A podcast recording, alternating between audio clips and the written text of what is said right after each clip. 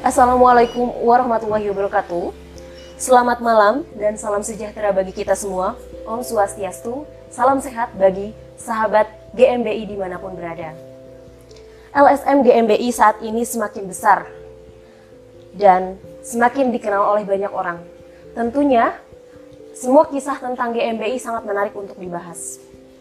Maka dari itu, di balik kesuksesan dari LSM GMBI, ada seseorang yang menjadi tokoh uh, di balik kesuksesan LSM GMBI. Mari kita sapa dulu Ketua Umum sekaligus pendiri GMBI, Bapak Muhammad Fauzan Rahman. Selamat malam, Bapak. Malam, malam. Oke. Okay. Uh, eh, sepertinya sahabat GMPI di mana pun berada sangat penasaran siapa sih orang yang ada di balik uh, eh, GMBI yang saat ini sangat sukses dan dikenal oleh banyak orang. Jadi uh, alangkah uh, senangnya apabila kami semua dapat mengenal Bapak lebih jauh. Siapa sih Bapak itu gitu. Jadi mungkin kita akan sedikit membahas mengenai biografi Bapak terlebih dahulu ya. Siap. Ya, silakan. Siap.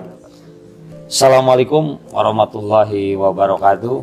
Waalaikumsalam warahmatullahi wabarakatuh. Mungkin saya sedikit menyampaikan Yel dulu tentang GMBI. Okay, yeah. Saya juga ingin menyapa keluarga besar GMBI. GMBI sampai mati, GMBI sampai mati, GMBI sampai mati, NKRI harga mati, sekali melangkah ke depan pantang untuk mundur, sekali melangkah ke depan pantang untuk mundur, sekali melangkah ke depan pantang untuk mundur. Jabat Rat, GMBI Jaya Abadi, GMBI Jaya Abadi, GMBI Jaya Abadi, GMBI aku Gembi, aku Gembi. Di dadaku ada merah putih. Kita Gembi luar biasa. Mantap sekali, luar biasa Bapak. Amin. Uh, pertama-tama saya mengucapkan terima kasih kepada tim Corong yang mana telah mau mengangkat tentang keberadaan Gembi itu sendiri. Sejarahnya mungkin saya sedikit kupas tentang diri saya. Ya. Saya adalah seorang anak dari keluarga besar Abdul Talib Rahman. Saya adalah putra kedua. Kebetulan saya sekarang ini udah berumur 52 tahun dan alhamdulillah dalam perjalanan 52 tahun ini pengalaman kecil saya sebetulnya saya ini senang berorganisasi Pak. Saya dari kecil sudah berorganisasi bikin satu organisasi yaitu geng Dalton geng dari Dalton. sejak ya dari sejak SD. Mantap jadi, sekali Bapak dari iya, sejak SD sudah Jadi sebetulnya saya memang senang berorganisasi. Oh, iya. Dari sejak SD organisasi saya adalah Dalton. Terus naik karena saya senang berolahraga sepak bola. Saya punya kelompok yang namanya Atom N. Jadi dari Dalton, Atom N dan kebetulan SMP saya mendirikan satu organisasi keluarga. Jadi saya terinspirasi daripada sering nonton TV film. Film terus terang aja film di dalam beberapa hal tentang geng lah. Geng. Jadi tahun 2000 eh tahun 1980 begitu saya keluar SMP eh keluar SD saya mendirikan namanya Mospas GR. Mospas GR itu Muhammad Haitan, Fauzan, Almaramerdi, Alfaribi, Muhammad Salifi, Gitar Rahman, Nurji Taliat Rahman. Jadi kelompok keluarga. Nah, saya perlihatkan bahwa saya mampu terhadap keluarga untuk bisa memunculkan nama keluarga saya. Dan Alhamdulillah ternyata cukup didengar di kalangan. Ya katakan karena saya walaupun saya ada keluarga dari Pak Abdul Talib Rahman tapi saya besar di Sekelwa jadi kalau Sekelwa sekarang ini di daerah Pati Ukur sudah menjadi kota. Dulu masih bentuknya masih banyak pohon. Ya seperti itulah anak-anak di sekitar Sekelwa kalau ketelahnya dulu Sekelwa ini adalah tempatnya bikin mercon. Bikin mercon. Nah, bikin mercon. Nah kebetulan saya senang sekali di daerah Sekelwa ini. Nah tahun 2000 eh, tahun 1983 akhirnya saya mendirikan satu lembaga yang namanya RMX. Apa Ya, itu, geng RMX? motor. Oh, geng motor juga Geng pernah motor. ya, Pak ya? Iya. Saya kebetulan salah satu pendiri dari geng motor yaitu Rods Milicena Extreme yang sampai hari ini kelompok RMX ini sudah masih ada dan masih, ada? eksis. Ah, Wow, masih eksis. iya. Kebetulan nggak tahu nih saya lagi pakai baju nggak ya? Oh nggak. Jadi kebetulan eh, RMX ini juga alhamdulillah persaudaraannya sangat kuat. Saya senang berorganisasi ini bukan hanya sekedar berorganisasi, tapi menambah kekeluargaan. Pada waktu itu tidak ada cita-cita seperti hari ini. Ya bagaimana kita berkumpul, bagaimana kita banyak teman, banyak saudara, dan ada eksistensi lah di antara pemuda pada waktu itu. Nah, setelah dari keluar SMP itu, saya besarkan RMX, ya terus terang aja tahun beberapa tahun kemudian saya memang juara motocross. Wah, Nah, jadi, jadi- prestasi juga ya dari Ya, ini. saya berprestasi di motocross dan kebetulan ya saya dengan grupnya kelompok Acai ya masih satu angkatan dengan anak-anaknya. Jadi saya berusaha membangun lembaga RMX ya organisasi geng ini. Nah ketika saya kuliah, nah kuliah ini saya keluar 86 SMA. Saya mulai tertarik dengan organisasi kemahasiswaan. Saya mulai tertarik dengan organisasi kepemudaan yang pada waktu itu organisasi itu organisasi yang sangat menguasai di bawah naungan Golkar pada waktu itu. Jadi saya terlibat di dalam organisasi kepemudaan. Jadi saya ngikutin di tingkat kecil ya, karena saya waktu itu sudah kuliah, itu tingkat dua saya udah nikah. Hmm, sambil kuliah. Ya, saya nikah saat dan kebetulan saya senang berorganisasi. Organisasinya adalah AMS tingkat kecamatan. Jadi tahun 8 1000 jadi kalau 1987 88 saya kuliah. Eh, bentar, bentar. 8 sem- delap- 92 kan saya lulus. Berarti ya benar. 86, 87, 88. 88 saya senang berorganisasi. Nah, mulai tahun 1990 saya mulai masuk organisasi di kepemudaan di bawah Golkar. Yaitu di mulai di Kosgoro saya, di GM Kosgoro. Generasi muda Kosgoro. Pada waktu zaman Hayono Isman waktu itu. Nah saya ikut-ikut belum punya jabatan apa-apa. Saya masih ikut senang. Dan kebetulan tahun 90 itu jiwa usaha saya muncul. Jadi saya juga usaha sambil berorganisasi. berorganisasi, Berorganisasi. Memang karakter saya senang berorganisasi. Jadi meskipun ber- eh, sedang memiliki usaha, tapi organisasi itu tetap terus berjalan tidak putus-putus ya. Pada waktu itu memang untuk seorang pengusaha zamannya waktu itu harus berorganisasi. Oh iya. Karena kalau tidak berorganisasi kita tidak dapat pekerjaan pada waktu itu. Karena pada waktu kekuasaan pada waktu itu zaman Soeharto. Nah, ini kan kekuasaannya kalau dulu disebutin ABG. Jadi kalau ABG itu ABRI Birokrat Golkar dulu tuh. Oh iya.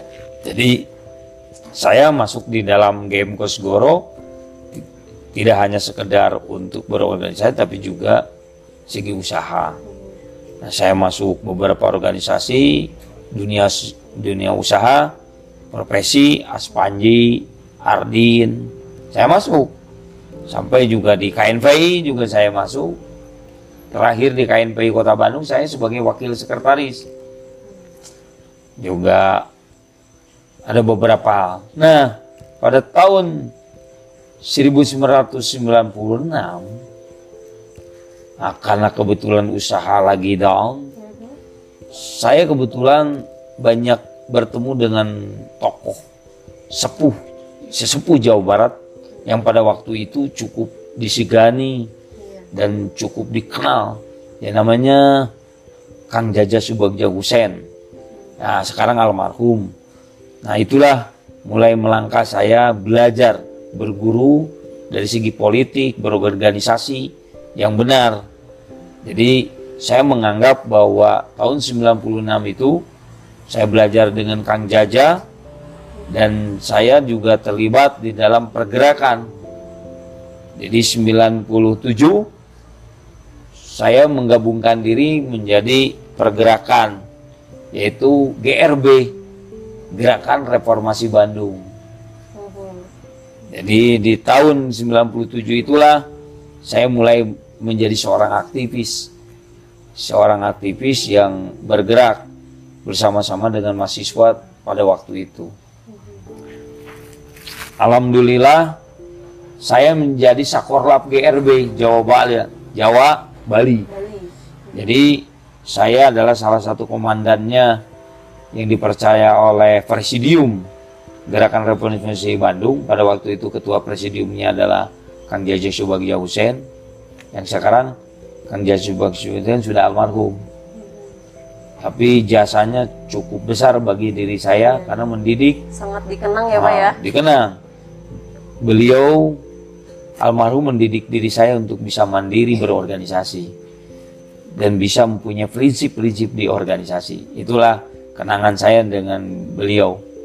Nah di tahun 2019 97 98 99 mungkin pada waktu itu 98 terjadi reformasi saya juga terlibat di dalam konsep reformasi. Teman-teman juga saya banyak. 99 tetap saya di GRB nah, saya mulai melepaskan pelan-pelan dunia usaha. Fokus ke organisasi. ke organisasi. Dan alhamdulillah ketika saya ketemu dengan guru saya juga Akhirnya saya belajar kedewasaan spiritual.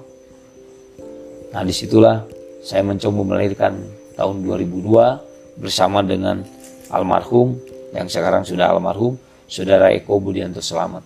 Jadi saya berdua nih, saya berdua dengan Eko Budianto Selamat dan pada tahun 2002 kita berikrar untuk melahirkan namanya GMBI. Jadi GMB lahir tahun 2002. Ya cukup panjang lah perjalanannya pada waktu itu. Tapi yang perlu tahu oleh Mbak tentang karakter saya. Karakter saya ini adalah salah satu karakter pemberontak. Pemberontak. Saya terus terang saja, saya tidak mau mengeluh dengan persoalan. Saya tidak pernah istilahnya uh, putus asa karena saya dididik di lapangan ketika saya memimpin geng. Mm-hmm. Jadi geng saya itu ada geng besar, geng motor besar pada waktu itu. Ya dulu itu RMX itu seangkatan dengan Monreker. Mm-hmm. Jadi cukup besar lah. Alhamdulillah ketika saya banyak belajar dengan berorganisasi, pengalaman itu saya tempatkan, saya tempakan kepada teman-teman tetapi yang nilai-nilai positif isinya bahwa tentang persaudaraan. Bahwa kita mengakui bahwa kita bersaudara itu bukan karena kita bersaudara karena saudara, tidak. Hmm. Tapi bersaudara bagi kita semua. Jadi kita bersaudara walaupun kita tidak sedara. Nah itulah yang saya sering lontarkan kepada teman-teman, saudara-saudara saya di GMBI juga, sahabat-sahabat saya.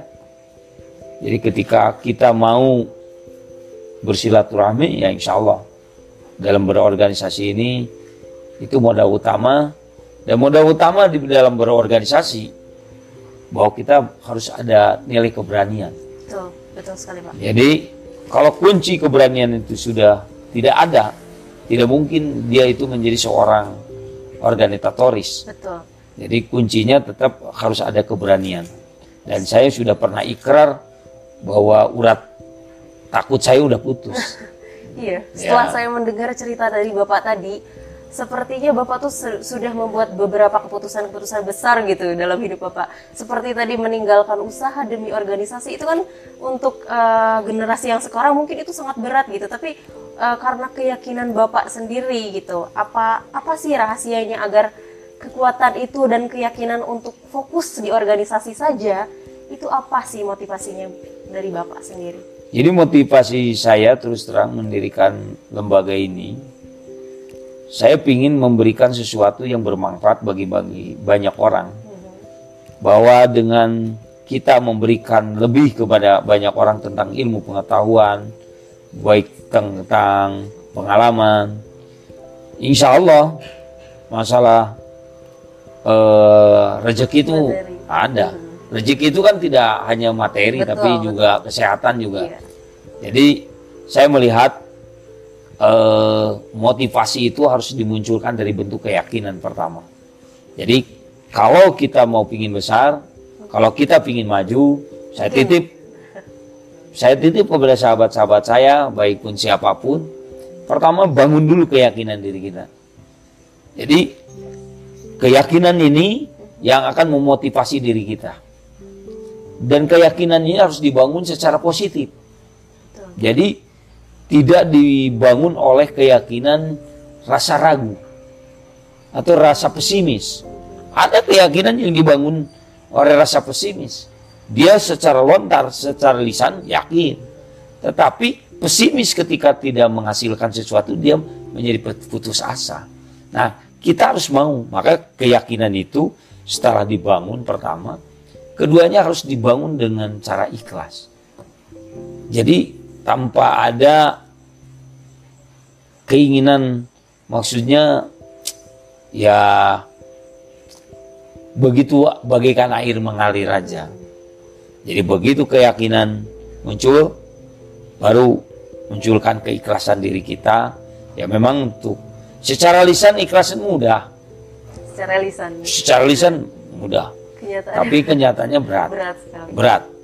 Artinya bahwa di situlah kita dididik diri kita sendiri untuk kita jujur pada diri kita sendiri.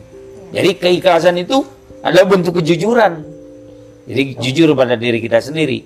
Nah, langkah ketiganya setelah itu kita mau ikhtiar, bekerja keras. Iya, betul Jadi bekerja keras. Jadi kalau sudah punya yakin, ikhlas sudah dibangun, bekerja keras. Jadi tidak berpangku tangan. Mhm. Nah, jadi bekerja keras sehingga ketika organisasi ini kan kalau ngebangun organisasi kan naik turun. betul Nggak ada yang langsung gitu menanjak. Melejit. Dia kadang-kala lagi bagus moodnya mungkin di atas, tapi kalau lagi tidak bagus bisa turun.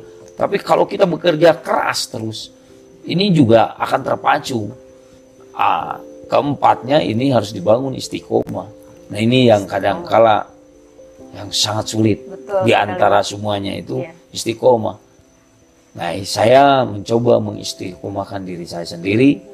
Bagaimana saya menerjunkan diri saya terhadap organisasi. Yang kadangkala ini bertubrukan dengan keluarga. Hmm, Ya, pada waktu itu saya tinggalkan. banyak yang dikorbankan ya pak Oh ya, ya otomatis. otomatis Otomatis. Pada waktu itu saya otomatis. Karena lembaga saya pada waktu itu masih kecil. Ini dibutuhkan satu kerja keras yang berat dan istiqomah.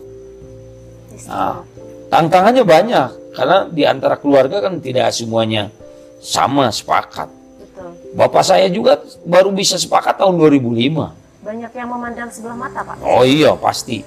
Sejak awal saya didirikan GMBI, banyak orang yang mengatakan ini paling umurnya juga dua bulan, terus naik enam bulan, naik lagi, naik lagi. Ya alhamdulillah sekarang tahun ya. ini umur kita kan udah 18 tahun. Iya. Jadi lahir GMBI itu udah 18 tahun sejak hari ini. Nah, terpaan itulah yang saya katakan bahwa istiqomah ini penting. betul Jadi istiqomah ini istiqomah ini adalah sangat-sangat penting. Jadi kalau seseorang mau mau jadi apa saja dia harus istiqomah Mau naik, mau turun, kita harus tutup harus lurus terus ya Pak ya? lurus. Iya.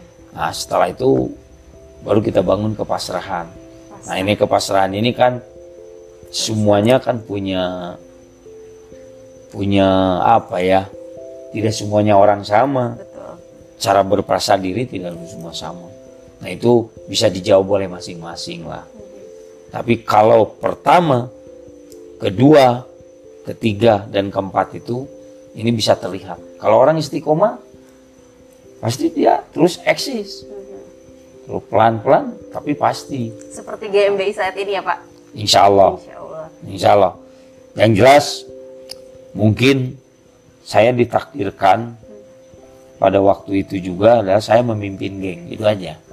Jadi sejak kecil kelas 4 SD sampai hari ini saya memimpin organisasi. Dan saya kebetulan dipercaya menjadi ketua daripada ya kalau dulu kan bukan kalimat organisasi dan dulu mesti mesti seneng kan anak-anak kecil juga seneng. Jadi geng Dalton. Geng Dalton itu dulu zaman dulu itu terkenal dia adalah kelompok perampok. Nah kita kan terinspirasi anak muda namanya juga. Oh gitu. Naik nah, jadi geng motor pada waktu itu saya ingin melihat jadi Ali Tovan anak jalanan. Terus maju lagi ke organisasi lagi termasuk ke GMB sebelumnya. Saya tidak bicara tentang bela negara tapi bicara bagaimana saya menjadi Don Kolereon jadi saya terinspirasi oleh konsep Don Vito.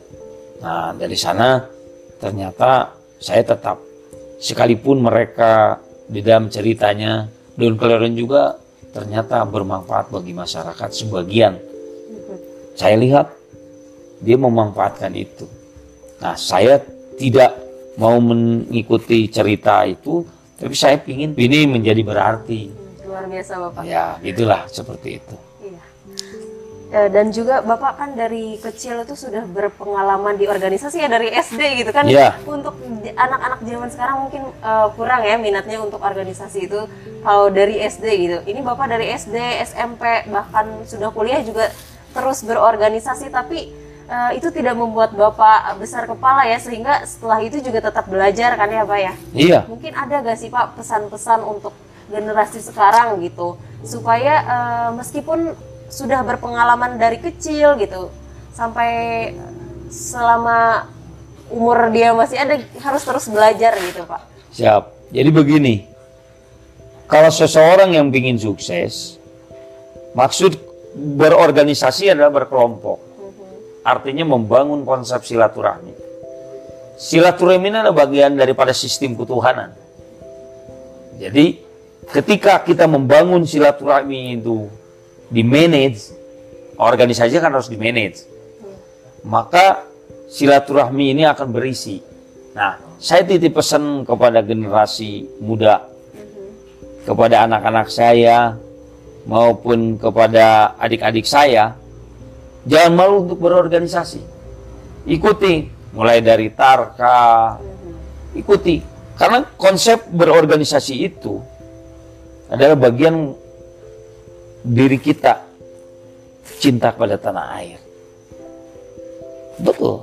Bayangin kalau kita merasa sendiri, kita akan menjadi kesulitan. Apalagi di tahun-tahun seperti begini. Betul. Ke depan lebih berat lagi. Kalau kita tidak menghadapi fantahelik ke depan, nggak bisa. Fantahelik itu sudah jelas. Konsepnya A, B, C, G, M. Berat. Kalau tidak belajar dari awal. Saya didik kepada anak-anak saya.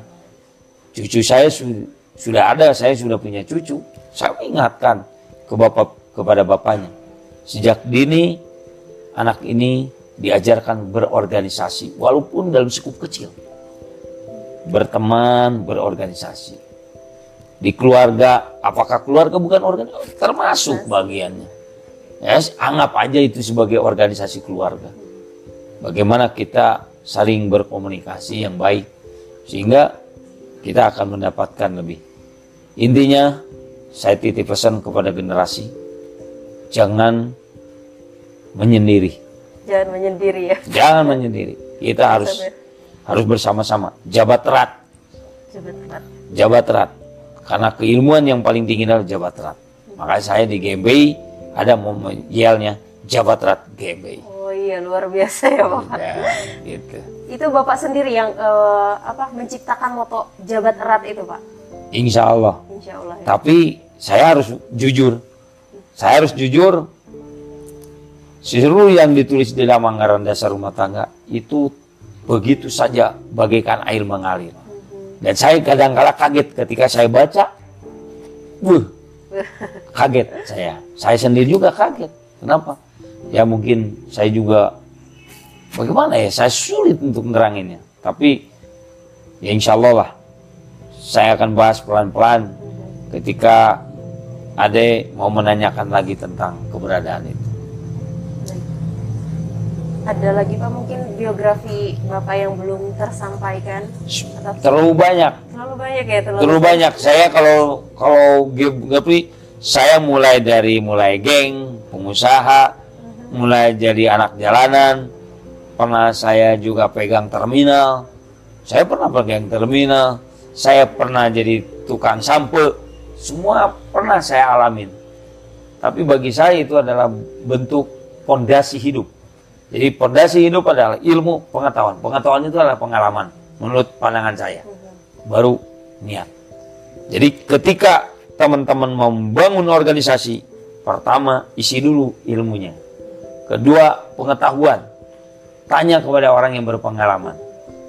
Atau kalau diri kita sudah berpengalaman, jadikan itu juga sebagai cermin. Ketiga, niat. Niat berorganisasi apa? Mencari kaya kah? Mencari ridho kah? Mencari teman kah? Harus ada niat. Niat. Kalau menurut saya, cara niat adalah mencari ridho Allah, mencari ridho Tuhan. Itu lebih keren, lebih tenang Mantap berorganisasi. ya Pak. Jadi setiap keputusan tuh karena kita untuk ridho Allah, jadi semuanya mantap yakin gitu ya, Pak ya. Iya, betul.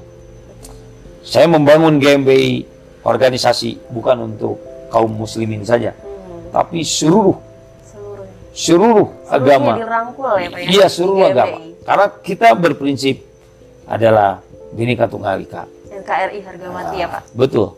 Moto kita jelas. Ada kalimatnya. Satu kata Pancasila, satu sikap Bhinneka Tunggal Ika, satu suara lawan kedoliman, lawan penindasan, satu tekad adil dan makmur, satu komando.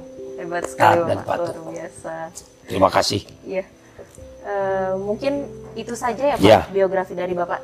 Sangat memotivasi sekali Pak untuk generasi saat ini Bapak. Eh, sangat eh, jiwanya masih sangat muda gitu Pak. Hmm. Jadi eh, setelah tadi saya mendengarkan juga saya jadi ikut termotivasi untuk selalu ikut organisasi. Amin. Eh, jadi tadi udah eh, kesimpulannya dari Bapak tadi untuk eh, membangun sebuah organisasi itu harus ada ilmu, pengetahuan dan belajar dari pengalaman ya Pak. Ya. Kemudian ketika sudah ada organisasinya, jangan ragu, harus yakin, munculkan keikhlasan, ikhtiar dengan bekerja keras dan istiqomah. Begitu ya Pak ya? Ya, pasrah diri terakhirnya. Pasrah, oh iya betul, pasrah diri. Ya. Ya.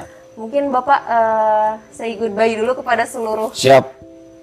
Eh, saudara GMBI di mana pun berada, terima kasih Bapak atas waktunya. Kita bertemu lagi di lain waktu. Wassalamualaikum warahmatullahi wabarakatuh. Waalaikumsalam warahmatullahi GMBI sampai mati. NKRI harga mati. Sekali melangkah ke depan, pantang untuk mundur. Jabat erat GMBI. Luar biasa. Terima kasih Bapak. Siap.